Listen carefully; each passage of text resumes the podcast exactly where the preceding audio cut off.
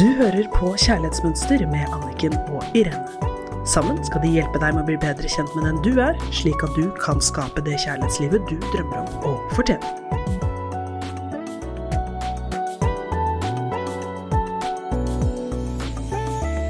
Hei, og velkommen til Kjærlighetsmønster med Irene Hesling og Anniken Lien Mathisen.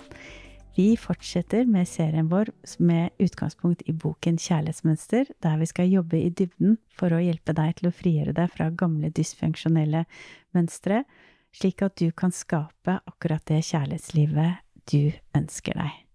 I dag så skal det handle om at vi må dempe mønsterets kraft. Men før vi gjør det, så skal vi få en deilig, myk landing i kroppen av Irene, så vi kan være ordentlig til stede og bevisst når vi skal jobbe sammen. Mm, herlig. For det er jo sånn at vi er veldig mye der ute, og veldig mye i hodet. Så det å trekke all energien og fokuset tilbake til meg selv Og det gjøres veldig enkelt. Hvis du er ute og kjører bil, eller er ute og går, har du øynene åpne, selvfølgelig. Og hvis du er hjemme, lukke øynene kan være veldig fint. Og slippe magen. Kjenne underlaget du sitter på. Eller går på. Og på innpustet Trekk oppmerksomheten din og energien din inn i kroppen. Utpuste. Kjenn at du lander helt ned til føttene. På innpuste komme hjem til deg selv. På utpuste kjenne at jorda trekker deg ned mot seg. Siste innpustet. Tilbake til deg selv. Og utpuste. Og en tydelig fornemmelse av at du er i kroppen din til stede, her og nå.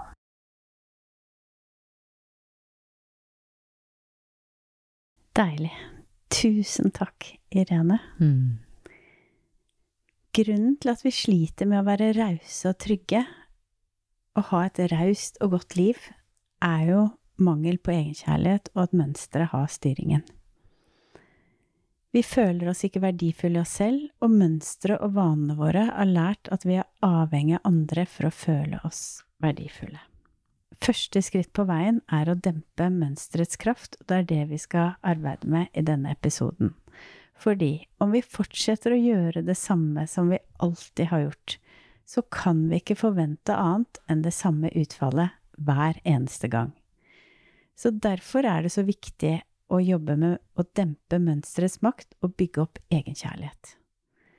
Og det gjør du ved å utforske negative tankemønstre som du selv har, og de følelsene du har inni deg, som hindrer deg i å oppnå den kjærligheten du ønsker deg, og begynne å tenke og handle utenfor boksen av vaner og mønstre. Og dette skjer, som nevnt tidligere, først via tankene, og så gjennom handling. Så det som er veldig spennende, er at vi kan hjelpe oss selv enormt ved å begynne å snu små vaner i hverdagen. Fordi at veldig mange jeg jobber med, er jo superspennende, kreative, flinke til å tenke ut av boksen på veldig mange andre måter, og har i hvert fall lyst til å leve noe annet enn et vanlig A4-liv. Og du behøver ikke ha en spennende jobb for å ikke leve et A4-liv, men du kan ha et spennende privatliv, av spennende hobbyer, eller i hvert fall alt som på en måte gir deg en litt annen følelse av et vanlig A4-liv. Men så er det jo da de samme menneskene lever så A4 inni hodet. For dette mønsteret er jo helt A4. Vi gjør det samme igjen og igjen og igjen. Og det er jo utrolig fascinerende, fordi at den delen av oss er de fleste ikke kjent med. At jeg som føler at jeg er interessert, jeg er nysgjerrig, Jeg mm, liker eh, litt andre ting. Er ikke klar over at jeg er den samme personen, men det er jo ikke den samme, det er jo mønsteret. Men i meg så har jeg en identitet som er utrolig kjedelig. Stram, begrenset, helt A4. Og det som er ganske spennende og fysisk, da, er jo at uh, i nervesystemet så er det jo Det er jo små strømmer i hjernen. Og strø, i, altså strømlære Strømmen finner minste motstands vei. Så helt nevrologisk så er det mye lettere for hjernen å gjøre det samme. Det følger nevrologisk samme, hjerne, samme banen i hjernen. Så det å lære seg noe nytt, det krever faktisk at, at jeg må liksom Å, Jeg må sette faktisk litt effort inn for å gjøre det. Og det kan føles litt sånn oh, litt slitsomt, nesten. Eh, og det er det faktisk for hjernen, for du, du lager et nytt spor, da. Men etter hvert så blir det det vante sporet. Den nye tingen, istedenfor den gamle vanen. Ja, det er så spennende.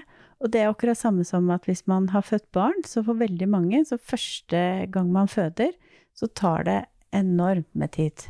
Det kan ta 20 timer. Eller mer, eller mindre. Og det gjør forferdelig vondt for de fleste. Og så, når man da føder barn nummer to, så selv om det kan være ti år etterpå, så er den veien skapt.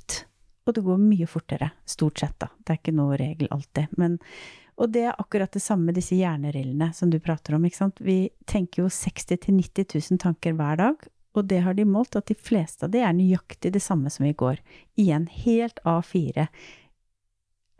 Og for å skape de nye hjernerillene og nye måter å tenke på, så er det som Irene sier, det krever arbeid, for det går ikke av seg selv.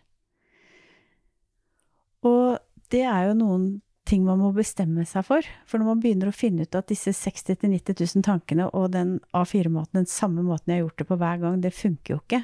Da må jeg ta ansvar. Da må jeg begynne å gjøre det på en ny måte. Det koster.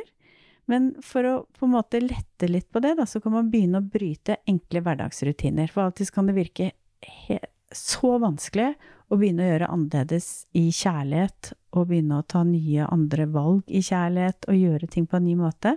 Så det da begynne å bryte enkle hverdagsrutiner er ganske greit. Så for eksempel, der kan vi jo veksle litt, Irene. Man kan lage seg en deilig frokost som man vanligvis ikke spiser, eller ta på deg klær som du vanligvis ikke bruker, som henger i skapet. Absolutt. Og bare det å gjøre ting med, med den andre hånden enn den som er dominerende, det, det, gjør at du får en helt annen tilstedeværelse, og du må konsentrere deg. For eksempel å vaske opp med, for meg som er høyrehendt med venstre, da, eller pusse tenna.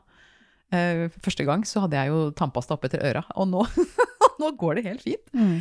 Så det er, og det er liksom gøy å gå til verks og endre rutiner. Og det er, det er forfriskende.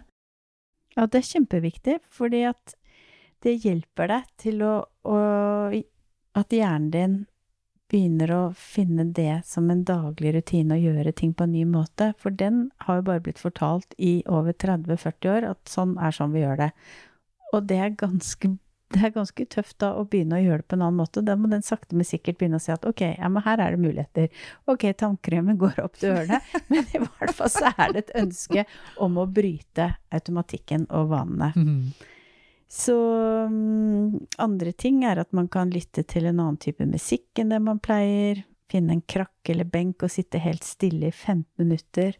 Se på verden rundt deg uten å kikke på mobilen det å legge vekk mobilen og få en impuls til å ha lyst til å ta den, og likevel ikke ta den, viser jo hjernen din at det er jeg som bestemmer. Her går jeg ikke lenger på automatikk. Jeg får en impuls, jeg har lyst til å gjøre det sånn, men jeg gjør det ikke. Og jeg tenker denne øvelsen er noe vi alle kan gjøre, for den mobilen er ganske lett tilgjengelig for de fleste.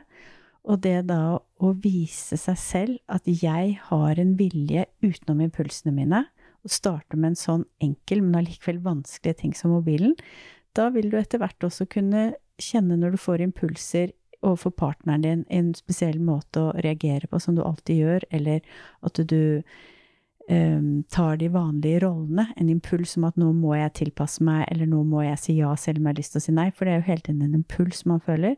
Så har man begynt å venne seg til at jeg har kontroll på impulsen, og så har du bestemt deg på forhånd hva er det jeg vil, hva slags forhold vil jeg ha, Hvilken rolle vil jeg ha i livet mitt? Hva slags rolle vil jeg ha i kjærlighetsforholdet mitt? Så vet du at jeg bestemmer over mine impulser. Jeg bestemmer over mønsteret. Dette er med på å dempe mønsterets kraft. Mm. Spennende. Det gleder jeg meg til å øve på, kjenner jeg. Så ved å gjøre ting på nye måter, så lærer du å tenke og gå utenfor dine egne rutiner og komfortsone. Og dette krever øving. Sakte, men sikkert øve opp din egen viljestyrke. Og noe som jeg synes er veldig spennende, er at hjernen vår, den er jo som en slags sånn underdanig tjener. Den gjør det du ber den om. Og den har ingen formening om dette er bra for deg eller dårlig for deg. Tenk eksempel på kosthold, ikke sant. Jeg vil ha det, du går og skaffer deg det.